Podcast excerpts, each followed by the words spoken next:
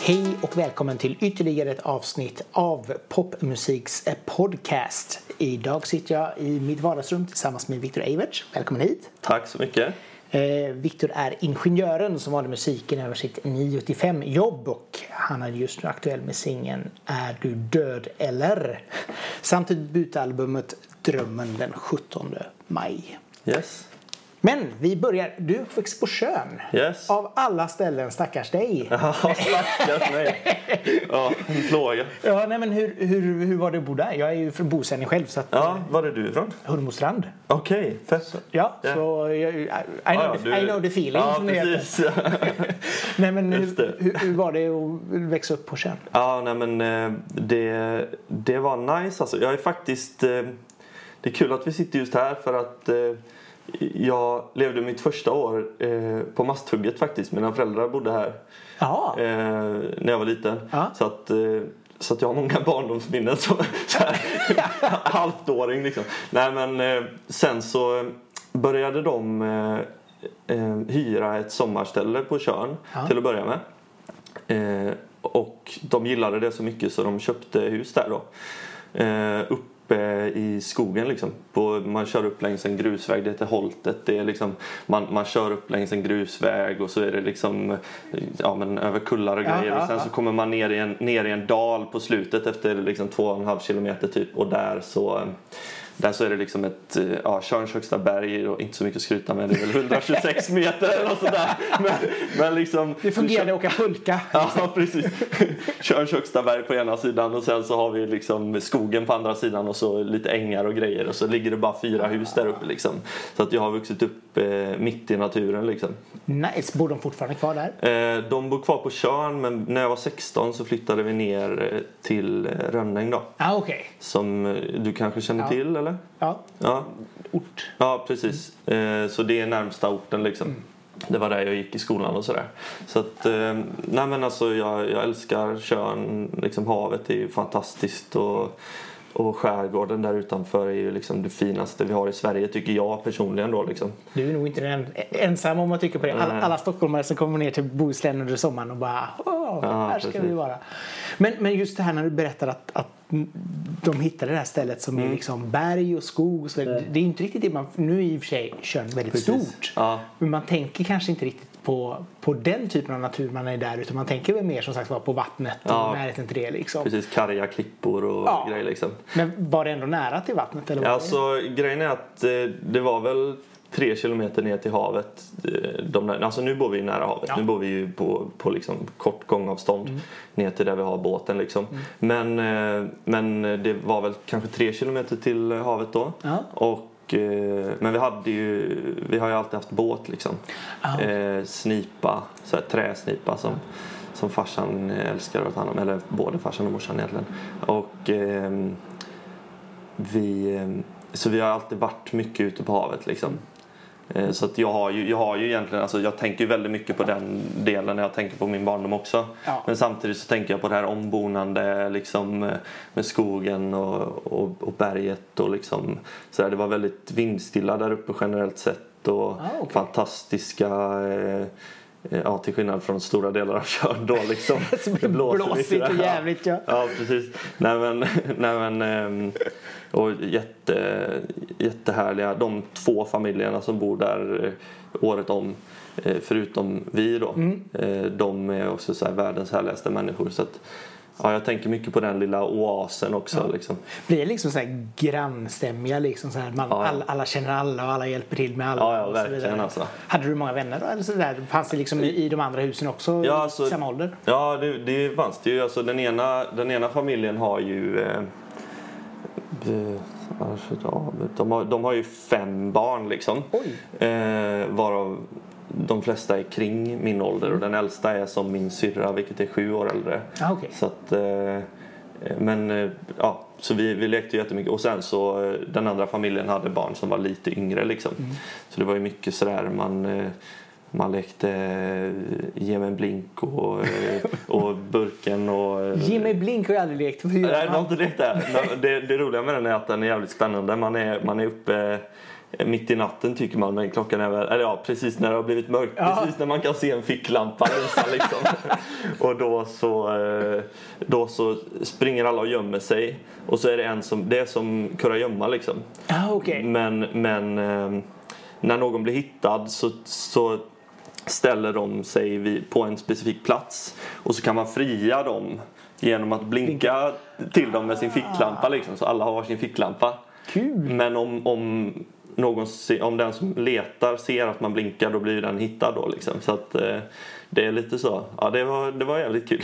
Ah, ja, det låter som en väldigt avancerad, inte avancerad Ja, kanske, jo, men, men vi, lekte, lite... vi körde röda vita, vita rosen och sånt också. Det är ju jävligt avancerat. Det minns jag inte ens reglerna till. Nej, men jag tänker mig att man skulle få ont. Eller man blir så här, man, Skulle man? Nej, men man blir så här fångatagen och hej och Ja, Det var väldigt så här bara... Burken var ju... Du körde någon sån extremvariant Ja, jag av den där det. Jag- där man torterar den man hade fångat också. Ja, men det- Slog den med pinnar och liksom. Ja, men nu var ju det här på 70-talet och då var allting Ja, hardcore. precis. precis. Det var lite hardcore. men Ni hade knivar liksom och skar. Det är det de här ärren kommer Ja, ja, ja, ja, ja. Allting var som på den tiden. Liksom så här. Det var inget meslekande där inte. När det var burken så slog man sönder en glasburk så man fick skärvor i alla hade, ja, precis, alla hade varsin slägga liksom. Nej, så farligt var det kanske inte riktigt. Men, eh, men du var ändå i en musikerfamilj. Ja, precis. Vad- Ehm, ja, alltså min, min farsa är ju ehm, heltidsmusiker liksom. Han, han, hans jobb är ju saxofonist liksom. Ah, okej. Han spelar tenorsax i eh, Bohuslän Big Band. Ja. Eh, och har gjort sen eh, antingen är det 89 eller 91 så det är liksom precis runt när jag eh, var nyfödd som han fick det jobbet. Ja. Och eh, har haft det hela livet liksom. Så han har ju, det är ju ga- ganska ovanligt att folk har en musikertjänst som ger eh, en eh, fast månadsinkomst bara liksom. Absolut. Eh, det är ju, ja. Det, du, du De, ju de som är i orkestrar har ju det såklart Ja. liksom. Det, är- det är ju där man behöver vara liksom, om man inte har de här stimpengarna som ramlar in varje Ja. vecka om man inte är Per Gessle. Liksom. Ja, precis. Men de, alltså, de gör ju jävligt feta grejer, Bohuslän Big Band. Liksom. De spelar ju med, med häftiga akter och sådär. Ja, de, de är ju jättestora. Ja. Så att det är ju kul. Ja, ja alltså det, det är väldigt roligt. Eh, och sen morsan, hon, eh, hon har alltid sjungit. Liksom. Eh, hon sjöng ett eh, bluesband som hette Riff Riders. Mm. eh, när jag var liten. Men nu så har hon det liksom vid sidan av. Men alltså så fort man är hemma, alltså mamma och pappa spelar ju i princip varje dag. Liksom. Farsan sitter vid flygeln och spelar och mamma, Ah. mamma sjunger liksom. Kul! Så det är gött. Det är mycket den stämningen i huset. Så, så hur, hur var stämningen när du kom hem och sa att jag ska gå på Chalmers?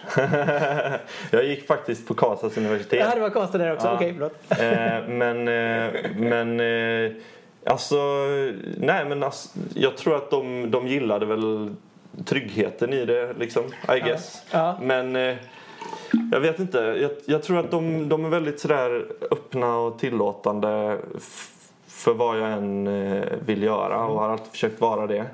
Eh, och vill inte liksom sätta käppar i hjulet eh, för mig på något sätt. Men hur det snarare yttrar sig att jag upp- Alltså det är snarare så att jag uppmanas till att hålla på med musik. Liksom. Ja, okej. För under, min, under min uppväxt så har det ju varit så att så här, man får eh, ja, men, presenter som, som kostar en normal lagom summa liksom. Men sen så, sen så önskar man sig typ en gitarr och då helt plötsligt får man en present som kostar liksom tre, fyra gånger så mycket som man i vanliga fall skulle fått liksom. Ja, ja, Och farsan åker själv in och liksom provspelar massa gitarrer och liksom så. Åh gud vad roligt. Ja, så, att, eh, så att på det viset har det alltid uppmuntrats så liksom. Och Det kan jag väl tänka mig också. Det är väl lite grann som, som de, föräldrar, de här tennisföräldrarna liksom säger bara Ja. klart att sonen ska spela tennis och så bara fixar all, all redskap som finns. Att man blir sådär och man ser sig själv i, i, i ens barn. Liksom. Ja, precis. Så att jag kan tänka mig att det, det blir väl en bit av sånt. Men sen är det ju fantastiskt mysigt att, att man blir uppmärk, eller uppmuntrad till det man faktiskt är lite intresserad av. Mm, ja, men verkligen. Men, men när började du få upp ögonen för musik överhuvudtaget? Liksom så här? Alltså, när jag var liten så var det ju, eller jag har ju alltid älskat det liksom.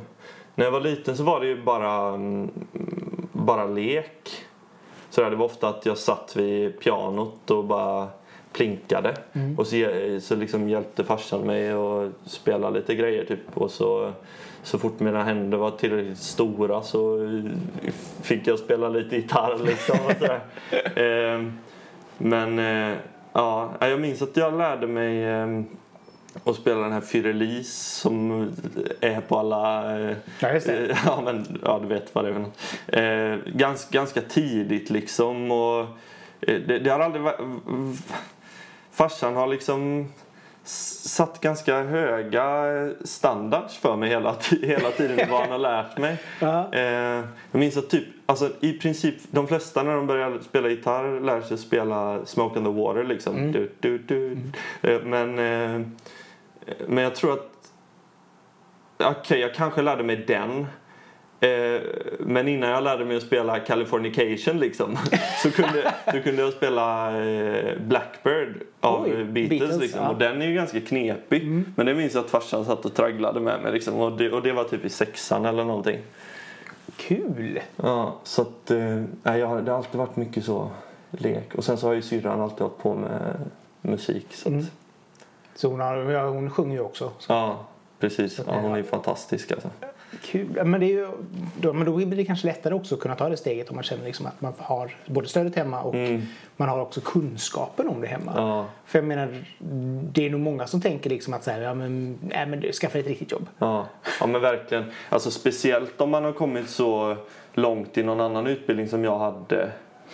Eh, för jag gick ju liksom inte ens estet på gymnasiet. Ja. Alltså jag tappade ju alla de åren av att lära mig musik. Ja. Alltså från skolan.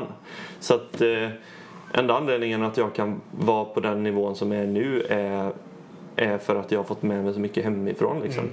Eh, för annars så hade jag haft så jäkla mycket att ta igen tror jag. Var, var det, men gick du natur? Eller? Nej, jag gick... Eh, jag gick... Eh, jag började faktiskt naturestet. Det gjorde jag. Eh, men sen så var det typ eh, så här alla, alla de coola. De alla de coola vet För, det, för dem ville du också vara. Ja, precis. Alla de coola gick ju teknik liksom. Ah. Så då så efter typ ett halvår så, eh, så bytte jag. Och det var också mycket att det var sådär, man fick höra hela tiden ah, va, går du naturestet? Det är den tyngsta utbildningen. Jag tror inte att jag, hade känt av det så mycket än liksom. Nej. Eh, för folk hävdade att liksom, ah, då ska du bolla de svåraste ämnena med musikaliska projekt vid sidan av och sådär. Och det, det kan säkert stämma men, men jag hade inte känt av det så mycket tror jag själv. Men så, så snackar folk om att åh den är så svår och den är så jobbig, ska du verkligen gå den? Typ. Och sen så, eh, sen så bytte jag då för att vara med de lite coolare. för teknik.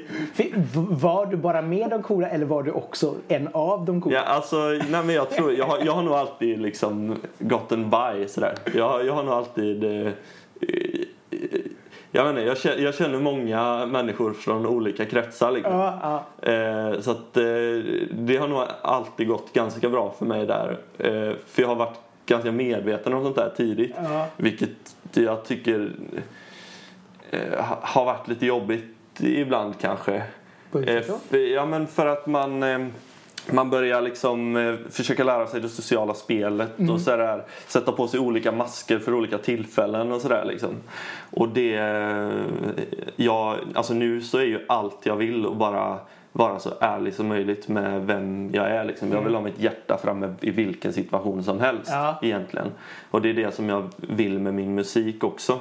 Och ju, alltså, ju fler sådana här eh, masker eh, jag har liksom, eller lager framför mitt hjärta typ, eh, desto svårare blir det att göra det här ärliga som jag vill åstadkomma med min konst. Liksom. Mm. Det förstår jag. Mm. Att, men hur, hur känner du att det kan bli jobbigt att vara att blotta sig för mycket liksom? Eller är det någonting man kanske vänjer sig med in sig? Ja, alltså, jag, tror, jag tror absolut att man, att man vänjer sig. Det tror jag. Eh, för det har nog blivit lättare och lättare. Liksom. Eh, jag, jag tror att jag gillar... Eh, alltså det, det känns bara som mitt mitt kall i livet liksom. Mm. Att jag ska vara ärlig med mina grejer. Jag ska vara brutalt ärlig och det är inte så jobbigt faktiskt för mig. Alltså, jag, jag, jag tror ofta att jag är den som, som liksom tittar folk längst i ögonen. Mm. Liksom. Det är andra som viker undan blicken. Nu märker jag att du är väldigt duktig på det också. du är nog duktigare än mig i det här läget. ja, nej, du, ja, du var det. Ja. nej, men alltså sådär. Jag, jag tror att jag är ganska bra på det där. Att, mm. eh, dela med mig. Fast jag är ganska introvert på scen också. Jag är en ganska introvert person men jag jag värdesätter det så mycket att det ska finnas eh, ärlighet i det jag gör. Fast det betyder alltså att, att, att göra ett framförande som är lite introvert betyder ju inte att man inte säger någonting som betyder någonting. Alltså, vi kan ju berätta, innan vi började så, så sjöng Victor igenom en, en låt för mig här i mitt vardagsrum vilket var jättetrevligt. Mm. Och, och, då såg man ju också hur du gick in väldigt mycket i det du sjöng. Mm. Uh, och det var en... Kul att det upplevdes så. Jo, men, och, och, det var ju det som också var lite så här skönt. Att jag menar till och med bara för en person så hittar du liksom den känslan som mm. du vill förmedla med musiken mm. genom att bara sjunga som om du var ensam. Typ. Mm. Vilket också, det är ju också imponerande. Vad, vad roligt, tack så jättemycket. Så, uh... det, det är verkligen det som jag försöker eh, åstadkomma. Alltså. För det, det känns meningslöst för mig annars. Liksom. Mm. Alltså jag, jag vill inte hålla på med musik om det inte kommer från en ärlig plats. För annars mm. är det bara liksom, vi gör ljud. Ja. Alltså det är ju det, det, är ju det jag gör. Oj. det är ju det jag gör.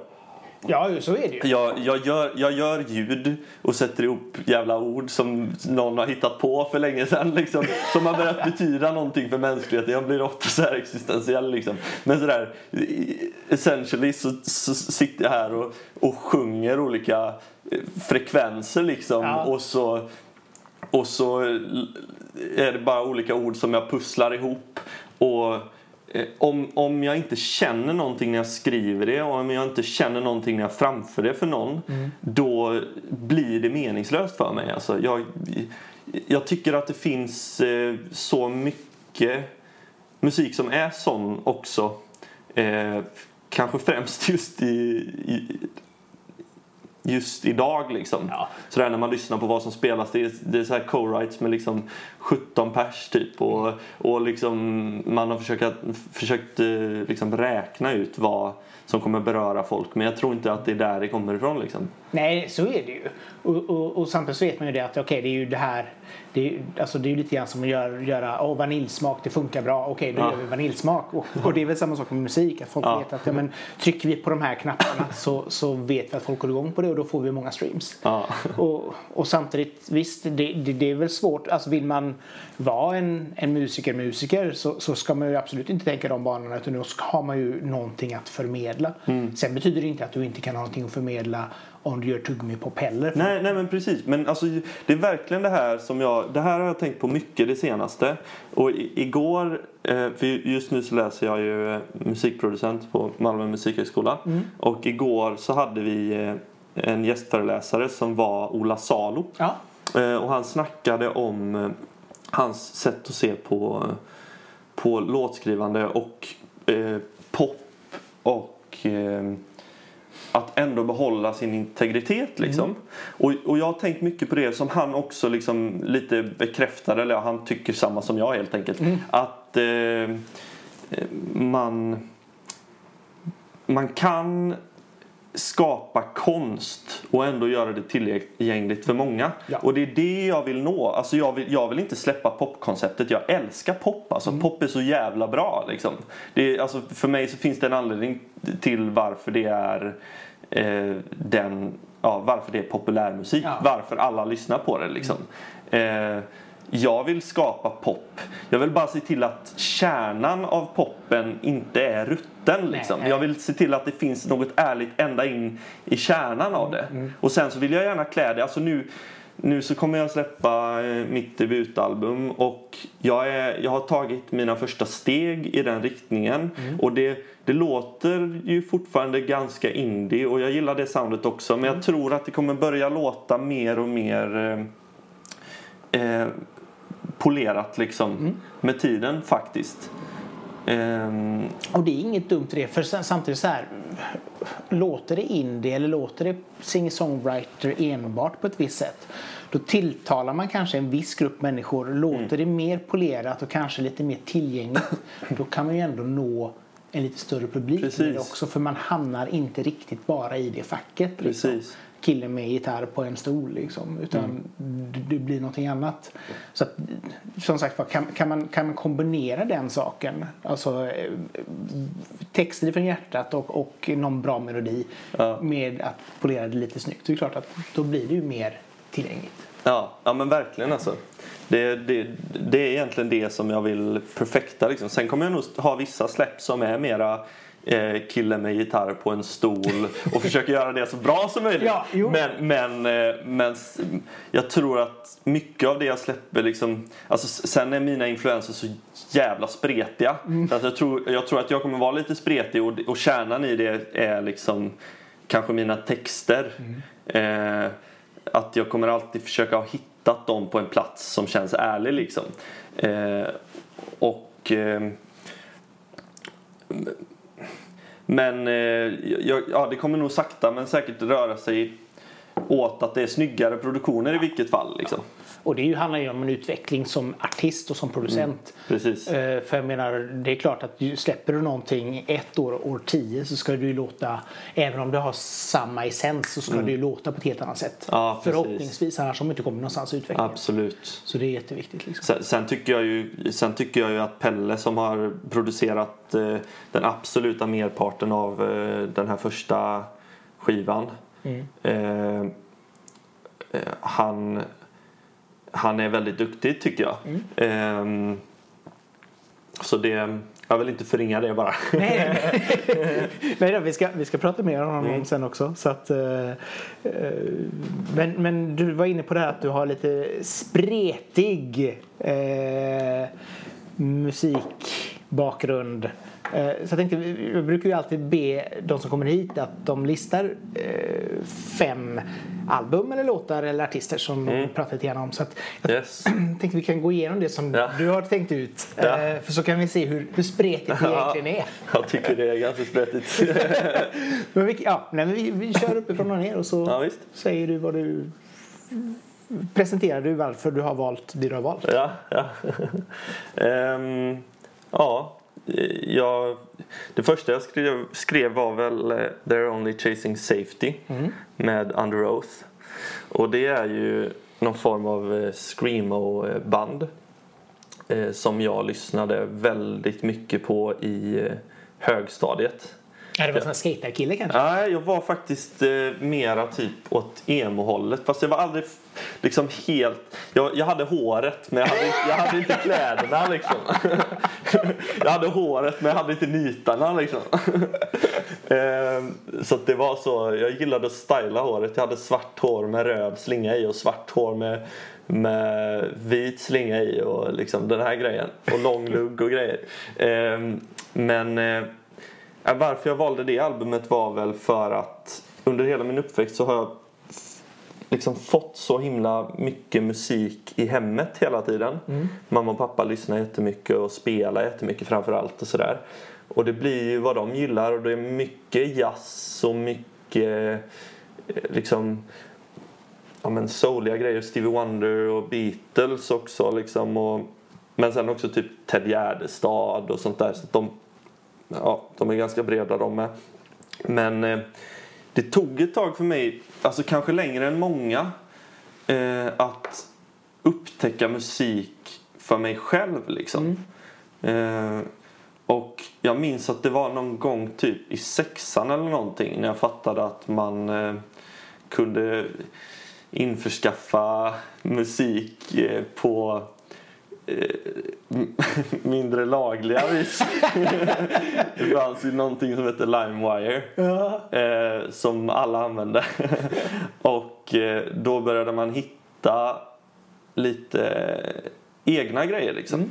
Man sökte runt där själv och Din egen musikaliska identitet. Ja men precis. Ja. Och då, då började det med typ Sum 41 och så här, alltså punkrock och, och det blev Metallica såklart och liksom den här svängen. Och sen så det som egentligen fastnade nästan mest och när du bad mig om album främst då kom jag att tänka på den plattan They're Only Chasing Safety för att jag eh, minns det albumomslaget så himla väl och jag har lyssnat jättemycket på de låtarna. Eh, och det, det är väldigt musikalisk musik men det är liksom förtäckt bakom, bakom ett skrik liksom. Ja, det låter väldigt argt. Ja, precis. Men det är, faktiskt, det är faktiskt ett kristet band, det kan man inte tro. Jaha. Ja, så att det, det, jag vet inte, de, de, de är kanske, ah, kristna människor kanske också kan vara arga. Men, men det är inte det första man tänker på kanske. Nej. Eh, Men det är, det är ju väldigt rytmiskt och, och häftiga musikaliska idéer och sånt där. Och snygga eh, melodier och liksom... ehm, ja, men, jag, jag tycker det är ganska häftig musik. Bra att springa Göteborgsvarvet till. Hur snabbt springer du det? eh, jag sprang på en 35 snabba, min snabbaste. Det är ju asbra. Ja, det var, det var bra. Jag har sprungit det typ fem gånger kanske eller någonting sånt där. Eh, Men nu var det länge sedan för jag har fått problem med ett, ett knä. Ja, okej. Så här, inte när jag går men när jag springer mer än sju kilometer typ så börjar det kännas liksom och det är inte så trevligt. Eh, vi, kan, vi kan skylla på det. Ja, vi kan skylla på det. Absolut. Eh, Jag kan väl rehabba I guess. Nej, men det är så kul när det kommer till det här med, med kristna hårdrocksband. Det finns ganska många kristna hårdrocksband, vilket är jättespännande. Ja, det, det, det är en grej eller? Ja, ja, ja. alltså det är det som är jättekul. Alltså, nu kändes det här lite, nästan lite mer argt än vad jag brukar höra. Men jag har ju hört en del kristna rockband liksom. Och det är så här, okej. Eh, ja, alltså, jag, jag tror inte jag har hört så mycket så här kristet hiphop, men det finns säkert också. Det finns säkert någon som kan tipsa om det. Men, men, Ja, liksom ja men just- han Staxet, eh, han har väl börjat göra, han har ju blivit kristen nu, han i eh, Kartellen. Jaha. Eh, för han var ju, han, de eh, mässade väl ut liksom, det var väl ganska mycket droger och, Ja, ja. och tunga grejer liksom. Men sen så gjorde han ju någon helomvändning och, och har blivit eh, kristen och, och sådär. Så att där har vi väl något. Kan vara, kan vara. Eh, vi går vidare. Mm. Nummer två. ja, vad var nummer två? Death Cab for Cutie. Just ja, och det här är bra alltså. Det är ju eh, deras album eh, Plans som är Eh, alltså det är en av de bästa plattorna som jag vet alltså. Jag tycker det är eh, det, jag upptäckte också dem under högstadiet när jag lirade World of Warcraft. För att det, det var liksom en grej, ja det är ju fortfarande en grej, det är ännu mer en grej nu men alltså, att man tittade på videor när andra, andra människor lirade liksom Ja, och så brukar de eh, ljudlägga då. Och så var det en låt där som eh, heter Soul Meets Body som, eh, som var med i någon sån video. Och jag fastnade så jäkla hårt för den och jag tycker att eh, Ben Gibbard som är frontpersonen där. Han, eh, jag- tycker att han är typ världens bästa textförfattare enligt mitt ideal. Jag tycker han skriver så jävla bra texter alltså. Ehm, och de låtarna är så hypnotiserande och liksom ljudlandskapen som de målar upp är så sammanhållna och riktigt snygga liksom. Eh, så att, eh, ja, jag, jag älskar verkligen eh, Death Cab for Cutie. Alltså. Det var mycket det. De som, han jobbar så himla bra med metaforer, Ben Gibbard. Ja. Och eh, det- var när jag började liksom bli sådär mindblown av, eh, av att man kan säga en sak med andra ord och få folk att förstå det på ett djupare plan. Liksom. Ja. Sådär, för det är ju det som metaforer är, är egentligen. Liksom. Eh, så att det är mycket på grund av texterna och ljudlandskapet där. Liksom. Har du fått sett dem live? Jag har sett dem live ehm, i, på ehm, Münchenbryggeriet i Stockholm. Ja. Ehm, för tre år sedan. Men det var en jävligt speciell spelning. Alltså det, det drog faktiskt ner min upplevelse lite av dem. Alltså det, de är väldigt duktiga alla och de, ljudlandskapen är som de är, liksom ska vara. Och, och framförandet är jättefint. Men, men alltså Ben Gibbard hade en jävligt dålig dag den dagen. För han, han kom in eh, och så lirade de typ första låten och så och så bara tittade han ner på sin gura hela tiden och bara fan. Men jag, jag hörde ingenting men tydligen så hade han problem med den. Han, om det var att han inte fick ljud eller om det att den glappade eller någon skit Ja. liksom. Eh, men det var märkligt för det hördes inte ut. Det kanske var någonting i medhörningen eller något. Jag vet fan. Troligen, troligen medhörningen. Ja. Skulle kunna vara det, ja. Eh, men, men i alla fall så bara såg man hur han blev irriterad. Och sen hängde han av sig gitarren, gav den till en tekniker mellan, innan nästa låt. Så Ja. fick han nästa gitarr. Ja. Och så hade de väl bytt både sladd och gitarr då liksom. Ja. Och sen så lirade de nästa låt och så hade han samma problem. Liksom tittade ner och bara fan liksom. Och så blev han mer och mer irriterad. Och, och så, eh, så här efter några låtar så bara han Jo, just det. Så har de en låt som heter No Sunlight. Och han bara så här. Ja, den här låten eh, skrev jag en dag när jag kände ungefär som jag känner nu. Liksom. och, och, och sen så spelar de den och på, jag tror det var på den låten så flippade han över totalt. Så han liksom lirade på guran och sen så fick han problem igen. Då bara han ryckte ut sladden, tog av sig guran kastade iväg den över scenen, sprang upp till pianot, nej vänta, hoppa ner eh, i publiken. Jag stod längst fram, jag och min polare. Och så, och så liksom lutade han sig ut över publiken, bara svettade ner oss. Och så kastar han bak mikrofonen så här, ända upp mot trummisen liksom.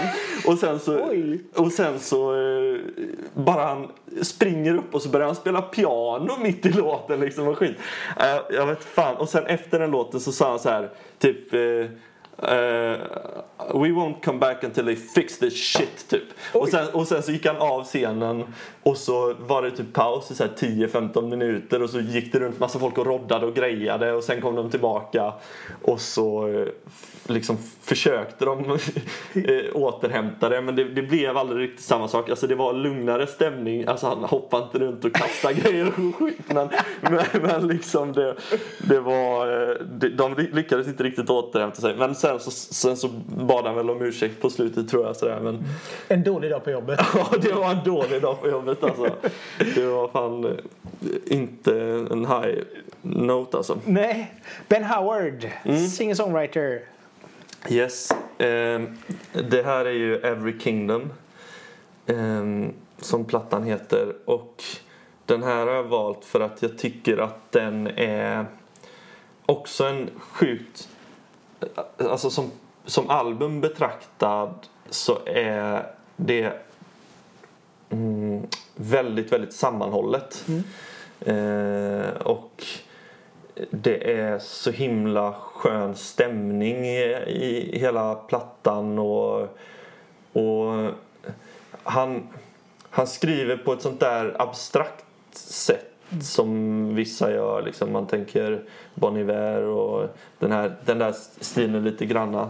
Ehm, och jag, jag gillar hans, hans eh, Egentligen, det är mycket på grund av sättet han spelar gitarr. Han, han har en väldigt speciell spelstil. Han är vänsterhänt och sen så spelar han, eh, ja inte för det är så speci speciell spelstil. Han och Paul McCartney och några till. Ja. Ja, precis. Nej, men, eh, han, eh, han har en lite speciell spelstil och han, han spelar med mycket öppna, konstiga stämningar och sådär. Och eh, jag har lärt mig väldigt mycket om gitarrspel och hur man fyller ut en ljudbild helt själv liksom. Ah, eh, som ensam gitarrist sådär. Eh, av att lära mig hans låtar. Så att den har betytt mycket för mig på det viset då. Ja. Som, som en ut, i utbildningssyfte. Ja, precis. Men också mycket feeling Ja. liksom. Eh, John Mayer då? Yes. Alltså, han, han var ju en grej typ när jag eh, var ganska mycket yngre.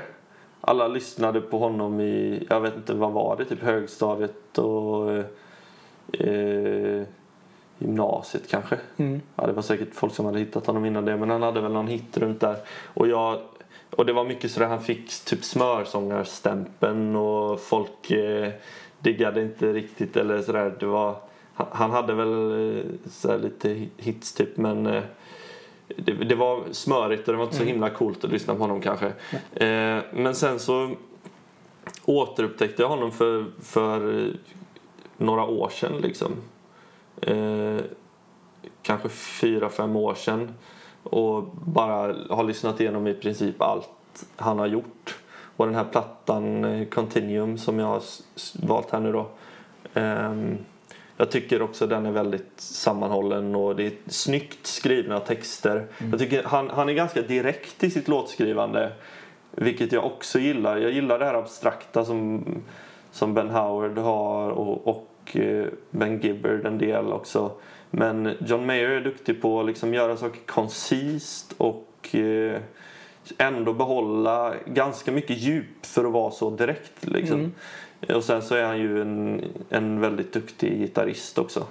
Eh, så han har varit inspirerande. Sen är han jävligt rolig som privatperson. Ja, okay. Vet inte om du följer honom på Instagram? Eh, det kommer jag inte ihåg om jag gör. Ja, det, det är ju eh, rekommendation annars. Ja. Vad brukar han göra där? Eh, han, han gör ju... Eh, han har en talkshow nu som han kör på söndagar som heter Current Mood som han bjuder in kändisar till. Och liksom, eh, sen så har han bara väldigt många olika konstiga klipp. Idag så såg jag att han, han stod och snackade med en ödla typ. As one och hejade på den när den gjorde push-ups typ. alltså han, han har massa flummiga grejer för sig. Cool. Så att han, är, han är rolig. Får man kolla in. Ja. Sista då? Yes, sista är ju eh, mamma och pappas eh, platta. Ja. Eh, Bodil Eiverts står den på eh, och plattan heter Wandering. Och eh, den har ju betytt väldigt mycket för mig för att den är så... Eh, ja, men den ger mig hem, en jävligt hemtrevlig känsla. Liksom. Ja. Mamma och pappa spelade in den när jag var ja, mellan fem och åtta kanske eller mm. någonting sånt där. Släppte den 99 tror jag. Eh, och jag minns när de höll på att spela in grejer till den och när de lyssnade eh, på mixarna och sånt där mm. och grejer när jag var liten. Eh, så det det är några standards och så en del eh, egenskrivet material och då är det pappa som har skrivit musiken och eh, mamma som har skrivit texterna. Eh, och jag tycker den är väldigt bra. Jag rekommenderar den för de som gillar mysig jazz. Ja, ja, ja. Mm. Mysigt, ja. Mm. Då har vi en liten musikbakgrund där i alla fall. Yes. Uh, och så kan vi också, när vi ändå är inne på familjen, säga att Mimi Terris då är mm. art artistsyster. Yeah. Uh, eller artistnamnet så kan man säga. Det är ju faktiskt hennes riktiga namn också. Det är hennes riktiga namn ja. Ah. Grejen är att hon, uh, vi är halvsyskon. Och hennes farsa heter Terris. Ah. Och han är amerikan. Då är jag med. Så att hon är, hon är halvamerikan och har amerikanskt medborgarskap och sådär. Eh, det är jag avundsjuk på. Sen så vill jag gärna ha min pappa. men, men, eh, ja. Eh, nej, men så det är hennes riktiga namn faktiskt. Ah, okay. Det är väldigt artistiskt. Ja, det, är, det känns namn. nästan som ett artist, artist artistnamn. Liksom, ja, faktiskt. Så att hon, hon är född artist kan ja, man säga. Ja, men precis. Nu har hon fått en liten unge också för snart ett år sedan som heter Bonnie. Bonnie Terris. Bonnie Terris. Det är också ett bra artistnamn. Det är det faktiskt. Ja. Det är väldigt likt en annan Bonnie. Sen sa, sen sa morsan att hon, ja, hon kanske blir bibliotekarie i Säffle. Du vet ju inte liksom. Nej, det är sant. Det kan ju komma på vad som helst. Liksom. Bibliotekarienamn också kanske. Ja. Uh, vi kan gå in lite grann på Per då, när vi var inne på honom. Mm. Lindmark. Hur yes. träffades ni? Um, det är ju alltså min producent då. Eh, jag brukar skriva Per men jag säger alltid Pelle. Ja, det är väl det ehm, man brukar säga kanske. Ja. Eh, I alla fall så han, eh, han är ju min syrras kille sen eh, eh vad, hur länge har de varit tillsammans? Fyra, fem år eller någonting. Mm. Eh, och det hade ju börjat med att jag jag jobbade som ingenjör. Och sen så bestämde jag mig för att jag ska, jag ska skriva låtar till ett album och producera det och släppa det. Mm. Och då så eh, var min första tanke att jag ska lära mig, jag ska leva på sparade pengar nu så ska jag lära mig allt om produktion själv. Jag ska skriva alla låtarna, producera allting själv. Och så hade jag börjat med det och ja, hankade mig väl fram liksom. Det gick okej okay, typ. Eh, och så lyssnade syrran på mina grejer och så sa hon alltså du borde snacka med Pelle för han är jätteduktig på att producera och liksom ni borde hooka upp för ni hade nog haft kul eh, i studion och sådär också. Så att eh, ja, sen så har det blivit att jag har åkt ner till Malmö eh, en massa under min utbildning liksom mm. och eh, producerat med Pelle. Så det, det har varit eh, jävligt fett. Han har ju gått den utbildningen som jag går nu musikproducent då på Malmö musikhögskola. Och eh, han, ja, han har ju lite egna projekt. Han går ju ganska bra för dem Junton Beach som han är med i. Som mm. gör eh, liksom eh, elektropop, in, indie, liksom eh, ganska groovy men ljudlandskapigt. Liksom. Väldigt, väldigt häftig musik. Um, Ja, nej, men så det var så vi kom i kontakt med varandra. Mm. Vad, vad, känner du att han hjälper dig idag? Eller rätt sagt är bäst på i, i, som producent liksom, som ja. hjälper till att lyfta upp din musik? Ja, så på den här plattan så har ju han satt en väldigt eh, stark prägel egentligen på, på hur soundet är. Mm. Jag tror att det hade låtit ganska annorlunda om han inte hade varit med i bilden. Han har ju liksom eh, varit med Eh, och arrat och så mycket på många, eller på nästan alla låtar. Om inte alla, i alla fall någon liten grej. Eh, och han han har ju haft många idéer. På, jag har spelat låtarna för honom eh, live, liksom akustiskt. Och eh, så har han fått olika idéer på vad han, vad han tycker att det kan finnas med för olika syntljud och olika liksom ja, hur basen ska vara kanske och sådär. Han lirar, han lirar bas gött, så han har lirat mm. bas på eh, nästan allt liksom. Ja. Och sådär. Så han, han har definitivt satt en eh, stark prägel på, på den här plattan. Ehm, och han är ju väldigt duktig producent och eh, mixare liksom. Han har ju mixat allting. och sådär. Men vi har spenderat väldigt mycket tid ihop i en studio i ett, jag tror det är ett värmeverk Jaha. Eh, i Malmö. Ja. I liksom ett industriområde. Eh, så, så, så det är en skorsten där som, som ryker ibland. Och, och studion heter Studio Värmen. Och liksom man, man går upp för en spiraltrappa och så kommer man in i ett... Eh, ja, de har liksom loftet där och så finns det sådär kök och pingisbord och... Nice. Ja, replokal och studio. Det är jävligt fett faktiskt. Så det har blivit mycket mycket falafel och folköl och pingis med Pelle under här, den här skapande processen. Ja, falafel är ju ändå nationalmaten i Malmö. Ja, ja verkligen. Typ. Med rätta alltså. Ja. 20 spänn liksom. 20-30 spänn. Det är jävligt gött. Hur, hur hamnade du i Iggesund? Eller i, i, i Ingesund? Ingesund, ja. Mm. Eh, jo, mm, då kanske man får börja med egentligen min ingenjörsbana kanske. Ja. Eh, för att jag, jag gick ju som sagt eh, teknik på gymnasiet och då mässades det ut liksom att eh, ingenjör är, är det bästa liksom. Ingenjör ska man bli och så kom, kom den här Felix stör en ingenjör det här på TV4 med Felix Herngren. Ja, just det. Och, ja. och hälsa på ingenjörer och sådär och oh, det är så bra liksom framtidsyrke bla bla. Och eh, då så reste jag en liten sväng eh, ett halvår. Och sen när jag kom tillbaka så kollade jag lite vad det fanns för utbildningar och så hittade jag en ingenjörsutbildning i Karlstad. Då. Mm. Eh, så började jag läsa där innovationsteknik och design var inriktningen då. Så det var ändå lite konstnärligt liksom. Ja, ja. Eh, och sen så läste jag det där, en, en bachelor liksom, högskoleingenjör eh, tre år. Och så blev jag färdig och sen började jag jobba på eh, Swedish Match här i Göteborg. Ja, okej. Mm, Göra snus, eh, ja precis. Designa snusdosor.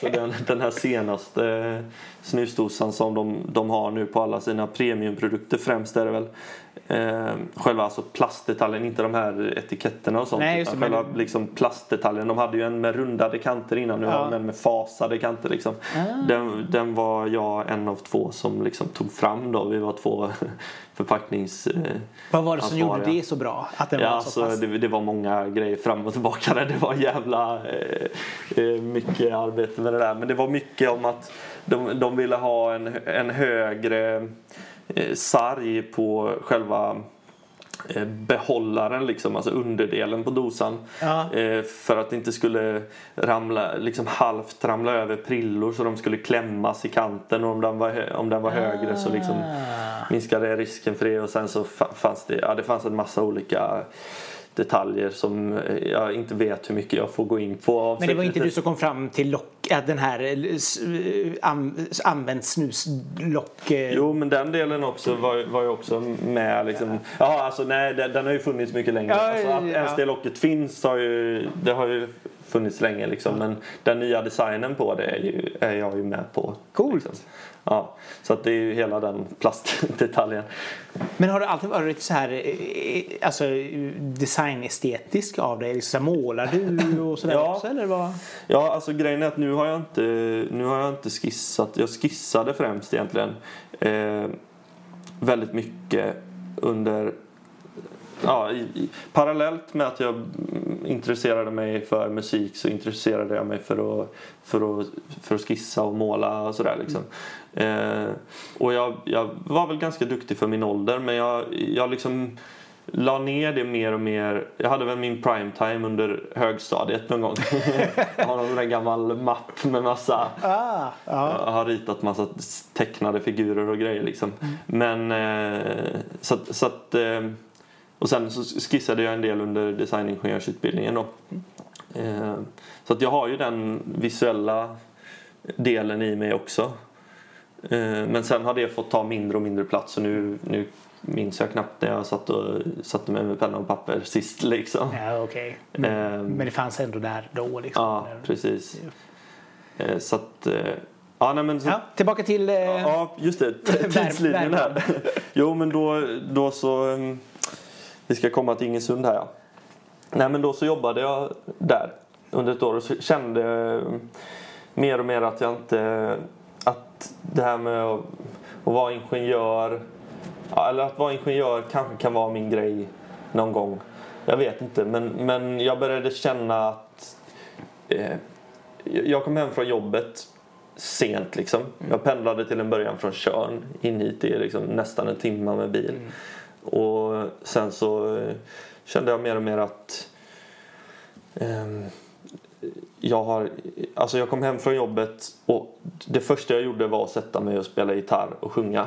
Och jag gjorde i princip det tills jag var tvungen att lägga mig för att gå upp och jobba nästa dag. Och jag kände att jag får ändå inte utlopp för min musik Nej, här. nej. Liksom. Jag, jag spenderar de här timmarna men jag, jag får verkligen inte nog av det. Eh, Så jag började må sämre och sämre av den anledningen kände jag. Eh, Och jag hade en projektanställning som löpte ut eh, årsskiftet 2015-2016. Och när den började närma sig så kände jag att jag har faktiskt en utgång här utan att behöva liksom gå till chefen och säga jag säger upp mig. Nej, utan min exakt. projektanställning löpte ut. Det enda jag liksom, eh, behövde göra var att inte söka fler jobb. Och det, det hade väl varit lätt att hitta jobb kanske men det, det var läskigt att, att undvika det. Så jag, jag liksom... ehm, jag bestämde mig för att nu ska jag satsa på musiken. Jag ska ta åtminstone tre år liksom, eh, till det här och se vad det leder. Och så, så jag började leva på sparade pengar. Eh, och det här var ju vid årsskiftet som sagt. Eh, Så bara jag bodde uppe på Guldheden här i Göteborg och eh, skrev en massa musik och började prodda. Och då så skrev jag majoriteten av låtarna till mitt album Drömmen som kommer ut nu eh, om några veckor. Och eh, då så ehm, Mm. Då så kollade jag lite efter skolor och sådär också. Och så hittade jag Ingesunds folkhögskola och en singer-songwriter-utbildning där. Mm. Eh, åkte upp och sökte den och kom in. Så jag hamnade där. Och det var väldigt trevligt att komma från den här ganska fyrkantiga ingenjörsvärlden till att först och främst hamna i musik liksom, som är Ja. ganska luddigt och sen hamna i folkhögskolemiljön liksom, som är det, så här, det flummigaste vi har liksom. Men jävligt bra måste jag säga. Alltså, det, Så cardigan på och sen Ja, bara... precis. Nej, men det, det är ju eh, väldigt tillåtande stämning. Liksom. Mm. Sådär. Alla, alla får vara med och eh, liksom, ingen prestige alls. Och sådär. Så det var väldigt skönt att komma till det där. Eh, sen efter det så... Ja, vad, vad lärde man sig på en, eh, alltså just singer-songwriter-del liksom? Alltså vi, vi hade typ i princip en låtskrivaruppgift i veckan. Okej. Eh, när vi hade olika teman att skriva på. Eller typ så här, tolka någon annans låt, gör den till din egen och sådär. Ehm, och så framförde vi det. Eh, de allra flesta framfördes för klassen då liksom. På åtta pers då. Eh, så hade vi en scen där i vårt hus som vi var i. Och eh, sen så hade vi viscaféer där vi spelade för hela skolan då. Ah, okej. Så att jag fick öva mycket på att stå på scen där. Och mycket på att skriva under press liksom. Leverera någonting utan att nödvändigtvis liksom att man bara känner att man är inspirerad och skriver någonting utan liksom att skriva någonting och försöka hitta inspirationen själv liksom. Ah, Okej, på, på tvång. Med, Ja, precis. Det blir mycket så. Och jag tror jag har lärt mig mycket av det. Alltså jag tror jag främst har lärt mig att färdigställa grejer. Men jag gillar främst egentligen att bara att sitta med gitarren och skriva när jag har feeling liksom. Men sen så är det ju, alltså ibland så har man inte feelingen hela vägen ut och då måste man sätta sig med låten och liksom försöka hitta den feelingen igen. Och det tror jag jag lärde mig en del om. Så att, eh, ja. Så, det- så det var ett år på den då. Och sen så eh, ligger ju Ingesunds musikhögskola liksom 100 meter därifrån. Och man bor liksom på samma internat och hänger mycket Ja, med dem. det är inte ens samma byggnad liksom. Utan, Nej, det, det är liksom en, det är en annan byggnad som ligger så här 100-150 meter bort liksom. Okej. Eh, men man, man hänger eh, mycket med dem och sådär. Och sen så eh, ja, kände jag att jag ville utvecklas mer musikaliskt och fatta lite mer vad, eh, vad jag kan göra liksom. Mm. Så att jag inte bara hamnar i liksom vanliga visackord. Okej. Sådär, de ackorden som alla kan på en gitarr liksom. Utan lite färgningar och sånt där. Så att, eh, jag, jag eh, sökte faktiskt, jag övade en massa jazz. Och sen så sökte jag eh, en ettårig jazzutbildning där. eh, På gitarr då. Gitarr och så biinstrument eh, sång. Ja. Så att, för jag tänkte att jazz, om man kan jazz då kan man eh, det mesta liksom. Så att, ehm, ja, så så gick jag där. Och sen så fick jag upp ögonen mer och mer för produktion. Och nu är jag i Malmö. Men nu var vi på Ingesund. Nej, men det är ju, Ja. det är ju utbildningen överhuvudtaget. Att Ja. liksom, men, men eh, det var ingen tid däremellan mellan Malmö och, och i Ingesund utan det var Nej, jag liksom ramlade ner där. Sen, sen är jag ju alltid eh, på Tjörn på somrarna då. Så att, eh, Ja okej. jag är ju där liksom två månader om året oavsett. Sig du ville det. Vad, hade man sån där, var det sån där, var det sån rivalitet liksom mellan folkhögskolan och musikhögskolan? när, det var så pass nära varandra och man bara tittade lite snett på de andra som, inte, som gick på folkhögskolan och tvärtom. Alltså, ja alltså lite sånt finns det Det är väl lite den här Körn och Orust-grejen liksom. Att eh, man gillar dem inte riktigt de jävlarna. Nej men, eh, nej men det var också väldigt mycket sådär att man festade ihop och sånt så det var kul med. Eh, Men det är ju lite olika stämning sådär. Det är ju lite mer tillåtande och lite mer chill på folkhögskolan. Det kan jag tänka mig. Och sen så lite mer prestige på musikhögskolan. Ja. Vad, vad kände du var det en av de främsta grejerna som, som eh, skolan gav dig, som du lärde dig liksom, som du kände att wow, ha- hade jag inte gått skolan hade jag inte blivit så bra på det här. Ja, just det. Alltså... med folkhögskolan så fortsatte jag liksom att göda den sidan av mig som handlar om att musik är kul. Mm. Musik är lek liksom. Eh, och jag fick öva mycket som sagt på att eh, framföra min musik för folk. Så att eh, jag blev tryggare med att, att stå på scen liksom. Eh, så det, det lärde jag mig mycket där. Sen på Musikhögskolan då var det tillbaks till prestigen igen. För jag upplever att det finns ganska mycket prestige i kanske främst jazz och klassiskt liksom. De utbildningarna.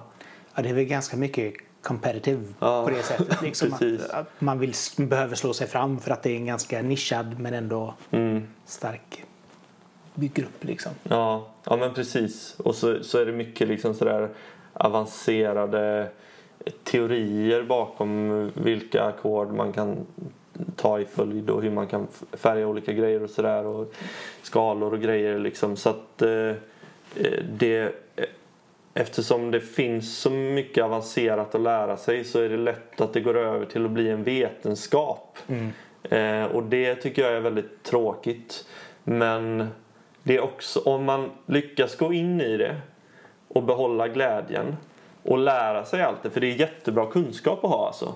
Det gör att man kan spela mycket bättre och mycket mer varierat. Sen liksom måste man ju... Eller jag känner att... Eh, man, jag, jag vill mena det jag spelar liksom.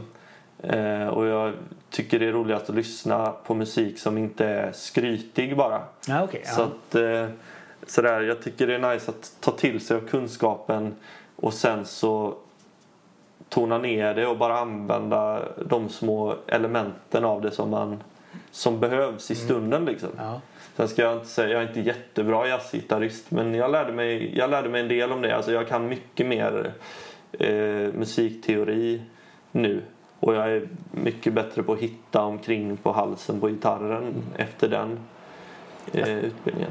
Det känns som en sån så här te teoretisk musikutbildning. Du borde ju få ingenjören i det och bli helt Ja, liksom bara så precis. här, "Åh!" Jo, men det, alltså- det finns en koppling. jo men verkligen, jo men alltså lite den är det ju också. Ja. Absolut. Det är ju bara det prestigiga som är det, blir det tråkiga egentligen. Ja, det alltså det är jättekul att nörda in i det där Ja. också liksom. Så länge det är med glimten i ögat och Ja. liksom sådär. Fan, ingenting spelar någon roll ändå fast allt spelar roll. Ah. Det är väl lite grann så. Eh, då ska vi se, då kommer vi till album då och så vidare. Du släpper som sagt var Är du död eller? Berätta lite grann om den. Bra titel eller hur? Det är jätteroligt. Du gillar den? Ja, ja. Man, kan, man kan säga den på så göteborgskt. Är Ja. du död eller? Ja, jag vet. För det är ju bara göteborgare som säger eller. Ja, precis. Ja, men verkligen. Alltså, det är lite det som är, som är grejen. Men den bara kom naturligt. Liksom. Jag, har ju, jag har ju lite göteborgare i, i mig i och med att det ändå är så pass nära. Liksom. Ja, ja, ja. Ehm, nej, men, d- den, det är ju den sista singeln jag släpper nu innan eh, plattan. Och den här låten skrev jag ehm, den våren efter jag hade slutat jobba som ingenjör. Och den... Ja, det här är Är du död? Eller det liksom syftar på att... Jag, jag, upplevde att det fanns många som snackade om liksom... eh, när, jag, när jag jobbade om att liksom, ah shit, ah, hå- håller, eh, håller den personen på med musik? Liksom, ah shit, ah, prata inte om det. Alltså, jag, jag älskade också musik när jag var ung men jag, jag vågade aldrig liksom eh, syssla med det så, och nu, nu är det för sent. Typ. Alltså att folk, det kändes som det var många som hade inställningen om att mm, eller att man liksom inte vågar satsa på sin dröm typ.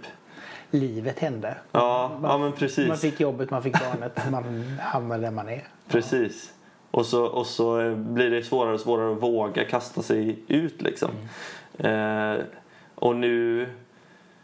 Eh, jag, jag tycker att jag var på en ganska svår plats att bryta sig loss ifrån. Främst mentalt för att jag hade kört in mig på den tekniska banan så länge. Och liksom det gäller att bara så strukturera om i skallen helt och börja se sig själv som liksom, ah, men fan det är ändå en möjlighet för, för mig som är utbildad ingenjör och liksom jobbar som det. Jag, jag kan bara vända på det här även om jag har spenderat så många år med att läsa teknik och ingenjörsgrejer. För, för jag märker att jag inte mår bra av detta. Jag kan ändå förändra mitt liv liksom. Och jag upplever att det är många som, som inte tror att de har den möjligheten. Och då är det den liksom, är du död eller? Alltså vi har ett liv och eh, om du ska ändra på det så ändra på det så snart som möjligt. Liksom, du kommer inte bli yngre och kan ändra på det sen när du är yngre. Liksom. Det, det, är väl lite grann, alltså de flesta människorna är väl i den situationen att man blir bekväm. Ja. Alltså du, du skaffar det här jobbet, du vet att du får in dina 35 000 i månaden. Mm. Du behöver liksom inte riktigt... Eller ja, det, det, det, blir ett så stort steg att ta för att ta bort den biten. Verkligen. Och det, det är jag verkligen medveten om också. Alltså det blir, det blir ju svårare och svårare ju, ju större liksom, imperium man har, man har byggt upp. Och Det kan ju hända att liksom, att göra en totalomvändning i livet kan innebära att man måste sänka sin levnadsstandard som fan. Liksom. Sådär, sälja sin lägenhet och bo i en etta igen. Liksom. Och, och så kanske man har barn och så går inte det alls. Liksom. Och då, då måste man hitta någon annan, något annat sätt att kompromissa sin levnadsstandard utan att det går ut över det här barnet. Eller, alltså, det kan ju vara så jävla mäckigt och så jävla svårt. Men den här låten kom i alla fall ur frustrationen av att det finns det känns som att det finns så många som som inte ens ser det som en möjlighet att ge det ett försök. Liksom. Och även folk som inte egentligen har byggt upp så mycket som de behöver ändra på utan det är mest en mental inställning som, som faktiskt går att ändra på. Liksom. Jag har gjort det själv. Alltså jag, jag vet att det går. Det är jävligt det är läskigt. Alltså det är bland det läskigaste jag har gjort. Om inte det absolut läskigaste jag har gjort. Liksom. Det är, så att det, jag förstår att det är jättesvårt för många men, men det går. Ja. Liksom. Och, så, och samtidigt så ska man ju kanske tänka på det här också att man kan man behöver inte göra det i, i full skala heller utan Nej. känner man så att ja, men, och jag skulle vilja skriva en roman. Ja, ja, men börja skriv då lite grann på Precis. kvällar och försöka hit, ta tiden, hitta tiden. För de flesta är ju så här, och jag hinner inte. Nej, men då får man väl göra plats åt tiden. Och, och sätta sig, alltså kan du sätta dig 30 minuter varje dag så är det bättre än noll. Mm, precis, prioritera ner Game of Thrones liksom. Ja, men lite så. Och nu när avsnitten är så långa så är det ingen som kommer hinna någonting. Nej, precis. Nej, men liksom så här, och, och, och, och det är väl kanske där man behöver liksom så här rannsaka sig själv. Att okej, vad våg, alltså det handlar ju inte så mycket om att våga, det handlar mer om att prioritera tror jag. Mm.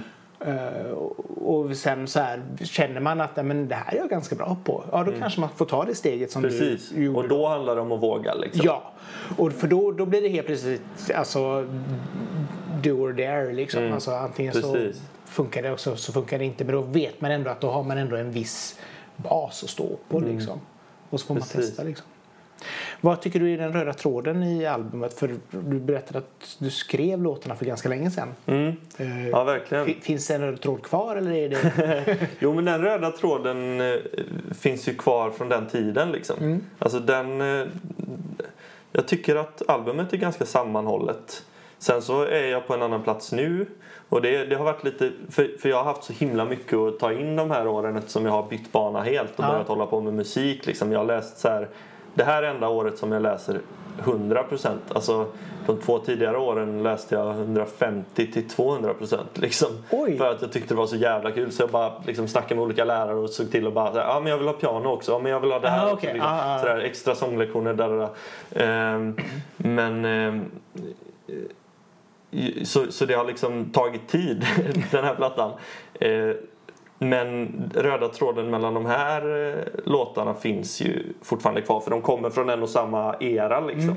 Och det, det är ju mycket från den här eran eh, när jag tänkte som mest på hur det var att bryta sig loss från eh, en eh, trygghet som man har, liksom ett liv som man har för att jaga drömmen då liksom. Och eh, den röda tråden är väl, ja alltså det är ändå några låtar som handlar om, om den grejen. Som behandlar den på lite olika sätt. Liksom, eller man kan höra det, spår av det. Liksom. Sen så gick jag också i tvek eh, kring ett långt förhållande på sex år liksom under den här tiden. Eh, och, så det är lite sånt också, lite kärlek och lite, lite um, vänskapskris och sådär. Okay. så att eh, det finns lite olika grejer men, men det, ja, en annan röd tråd, eller den tydligaste röda tråden är väl kanske att det är jag som har skrivit alla de här texterna liksom mm. och, och jag försöker verkligen um, skriva texter från en ärlig plats liksom. Mm. Och det här är mina första trevande steg liksom ut i det här. Kan det inte kännas lite jobbigt, jobbigt men kanske inte kännas lite så konstigt att någonting som du då skrev i början av musikkarriären mm. är det som ska representera dig nu tre år senare? Jo. jo, men absolut. Jag har gått i mycket sådana tankar. Det är en verk, verkligen en relevant observation. Alltså för, eh, jag, jag har tänkt liksom att oh, shit, men nu kan jag ju det här och det här också och nu, liksom, nu så låter mina texter lite mer åt det här hållet och, och nu hade jag kanske valt att eh, ja, jag vet inte, gjort, gjort lite andra val musikaliskt och eh, textmässigt och sådär. Men, men jag tycker ändå att det här måste få ha... Eh, det här är liksom startskottet liksom. Det här är mina första steg ut i det och det representerar en extremt viktig eh, period för mig i livet. Så att eh, jag känner att det, det, måste få, det måste få komma ut liksom. Mm. Ja, och då blir det kanske lite grann ett avslut av, ja. av det som började då. Verkligen. Att man liksom så sammanfattar, okej, okay, ja. det här är jag. Precis. Och sen får man nästa steg då gå vidare. Mm. Men hur ofta skriver du musik nu? Eh, ja, jag, jag försöker ju skriva ofta. Det är inte så ofta som det blir en hel låt färdigt av det. Men eh, jag, jag, för jag är väldigt, väldigt noga. Alltså jag har blivit ännu mer petig än vad jag var då med att det verkligen, verkligen, verkligen måste vara från en 100% ärlig plats jag mm. skriver liksom. Mm. Sådär, eh, man kan kanske urskönja några utfyllnadsord här och där på den här första plattan. Jag tycker ändå jag har lyckats ganska bra med det mm. även på den. Liksom. För att jag fick den idén om att det måste vara ärligt ganska tidigt. Mm. Liksom jag såg någon video med Loop Troop Rockers av alla. eh, när, när de satt och snackade, det var någon intervju. Och så var det en av dem som sa där att eh, liksom, när du skriver så skriv från den ärligaste platsen inom dig för att du skriver eh, någonting som kommer nå andra människor och det når in i dem om det kommer inifrån dig liksom. Mm. För att vi är alla människor, vi, vi är liksom samma sak. Ja, så att, eh, så att liksom, om det har kommit från djupet av dig då kommer det nå in i djupet av dem liksom. Och eh, men jag skriver ju, var, var frågan om jag skriver på ett annorlunda vis nu? Ja. Nej, eller var den, den var kanske när jag skrev min senaste låt. Ja. Jag svävar som fan. Ja, nej men jag hoppas att det... Det är lugnt, ja, eh, eh, Nej men eh, så att min, min senaste låt den skrev jag i, nu i våras. Eh, för, ja, jag skrev klart den för en och en halv månad sedan kanske. Ja. Eh, och innan dess så var senaste låten jag skrev helt färdigt eh, i någon gång i sen höst kanske. Eh, så, så, ja, det kommer ur mig och ibland så får jag en spurt liksom och så skriver jag mycket. Ja och sen blir det väl också så att man skriver kanske del, alltså skelett hela tiden. Ja, man bygger precis. Skelett, liksom. Men mina, mina bästa låtar är nog nästan de som bara ramlar ur mig i en session liksom. Alltså, ibland så bara det, ibland så sätter jag mig med, med guran ja. och så är klockan liksom typically sent. Liksom. Som det är alltid är när man blir inspirerad. Ja, precis. Ja. Om man är en nattuggla liksom. Men eh, i alla fall, jag kanske sitter med guran klockan liksom 12 eller någonting. Och sen så Dina grannar älskar dig. Ja, precis. ja, det har varit lite svårt nu för jag har haft tunna väggar så jag får vara försiktig med det där. Det är kanske därför jag inte har skrivit lika frekvent senaste. Men i alla fall så, så och då så liksom kommer man in i någon form av eh, flow bara. Och så och så liksom så här två timmar senare så har jag en hel låt liksom. Härligt. Och då så behöver jag knappt editera den texten alls. Liksom. I vissa fall kanske inte överhuvudtaget. Alltså om det kommer från en jävligt stark känsla och jag är i den känslan när jag skriver. Då kan låten bli helt klar på liksom sådär en dryg timma. Typ, eller två timmar kanske. Vi- Vilken låt är du mest nöjd med på skivan? På skivan. Aj, svårt. Jävligt svår fråga alltså. Ehm, Förlåt. Nej, men det är bra med svåra frågor. Ehm, oj, shit. Om du ska välja ett av dina barn. Jag måste... Vil, vil, Ja, vilket, vilket ska du... Nej men som du känner ändå så här att fan, det här blev... Det här gjorde jag bra. Alltså, ibland så blir man ju extra nöjd för att man gör någonting och man känner liksom att Ja, man, man får med känslan, man får med melodin, man får med allting. Man bara, ja, Ja. det här, det här Ja. nu satt vi den. nej men verkligen. Alltså, eh, jag har en låt. Alltså dels så tycker jag Är du död eller är, är, är jävligt bra. Som kommer nu. Eh, men sen har jag en låt som heter eh, Är det otur? Som jag skrev på en ganska desperat plats liksom för att jag hade börjat tveka på mitt förhållande och då hade jag varit tillsammans med min tjej i typ fem år. Det är den senaste av låtarna. Ja. Den skrev jag faktiskt lite senare än alla andra. Den skrev jag för, för två år sedan bara. Ehm, och då, för då så låg jag med min flickvän på bröstet liksom och så låg jag och tvekade. Hon hade redan somnat liksom. Ja. Och det var så här. eh, Jag, jag kände bara, hur fan kan jag ha en så här fin människa eh, som är så här underbar och ändå liksom ligga här och tveka på det här förhållandet liksom. Ja, Och, och då så liksom så här flyttade jag mig långsamt eh, ifrån så hon inte skulle vakna och så gick jag med gitarren och satte mig i ett annat rum. Och så kom i princip hela den låten till mig den kvällen typ. Eh, och det den är ganska, alltså den är jävligt så eh, ärlig liksom. Eh, och jag känner att jag, jag, jag är nöjd med texten och, och feelingen liksom. Den är inspelad med eh, med folk på Ingesunds folkhögskola eh, med enbart akustiska instrument. Liksom, det är en sån bandlåt liksom. Ehm, och ja, Pelle har lagt på lite synt efter också som har blivit nice. Eh, men eh, den, är jag, den är jag väldigt nöjd med. Men sen är jag jävligt nöjd med till exempel Från ö till ö som jag har skrivit eh, helt och hållet en co-write med eh, Pelle också. Ja. Som, är, som är jävligt sådär... eh, Min masterare tror jag det var sa att han tyckte den var jävligt dungen vibig liksom. Ah, coolt. Den, är, den är jävligt nice också. Ja, Ja, nej, men det, du- det, du har- jag, jag, jag, jag gillar låtarna. Jag Ja det, stå ja, det är klart du ska göra det. Det är väl mest bara ibland så, vad man än gör liksom så, Mm. ibland vissa dagar så känner man bara så här, det där jag precis gjorde, Ja. det är jag förbannat nöjd med. Ja men precis. Ja, ja, nu var det ju den. Så- är det otur som, Ja. som dök upp liksom. Det är en bra fråga alltså. Det, är- det är jävligt svårt men det är, det är bra att man får tänka lite ibland. Ja, vad, vad hoppas du om framtiden nu då? För nu är du, går du ut eh, plugget till, till eh, sommaren. Mm. Vad, vad ska det bli när du blir stor?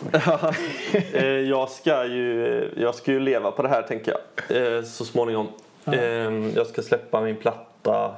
Jag ska börja spela. Jag ska, jag ska hitta folk att spela med som verkligen gillar min musik på riktigt och som, som jag kan bygga upp någonting långvarigt med. Liksom. Eh, och jag ska flytta upp till min, min nya flickvän som bor i Stockholm. Eh, ja, det passar så bra att hon bor där för jag har tänkt ändå att jag behöver vara i Stockholm när jag håller på med detta. Liksom. Mm. Och Stockholm är fint alltså. Jag har inte haft så mycket över för Stockholm tidigare i livet. Men nu har du en anledning att tycka ja. om det. Ja, nej, men det är, ju, det är ju jävligt vackert alltså. Mm. Hon bor i Hornstull också så det är väldigt fint eh, just där liksom. En söd, Ja, söder, södertös. Ja. Yeah. Fast hon är ju sk- skåning. Ja, alltså. Ja, Bästa av två världar som det heter. ja precis. Ja. Hon, hon håller också på med musik så det är jävligt eh, roligt. Ja. Eh, sådär. Artistgrejen också, vi snackar jävligt mycket musik. Ni, ni, för, ni förstår varandra? Ja, precis. precis.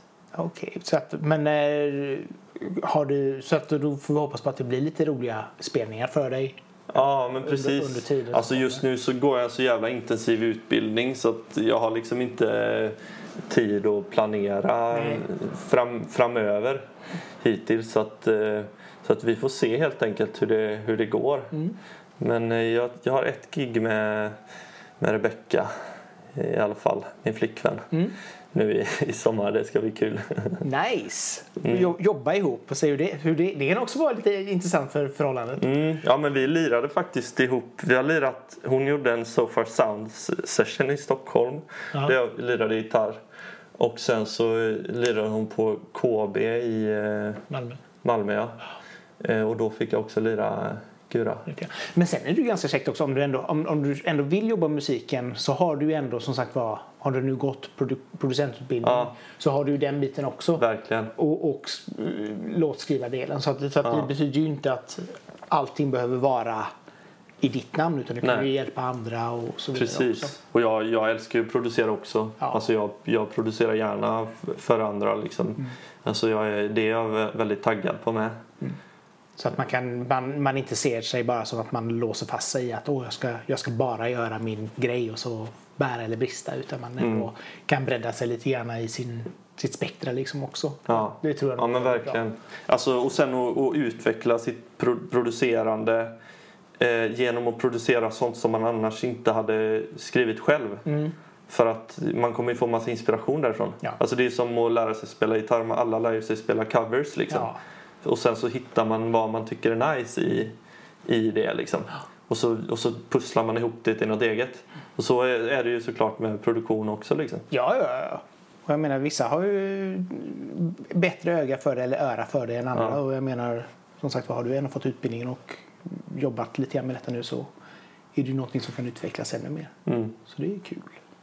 verkligen. Spännande. Som sagt var 17 maj släpps Drömmen.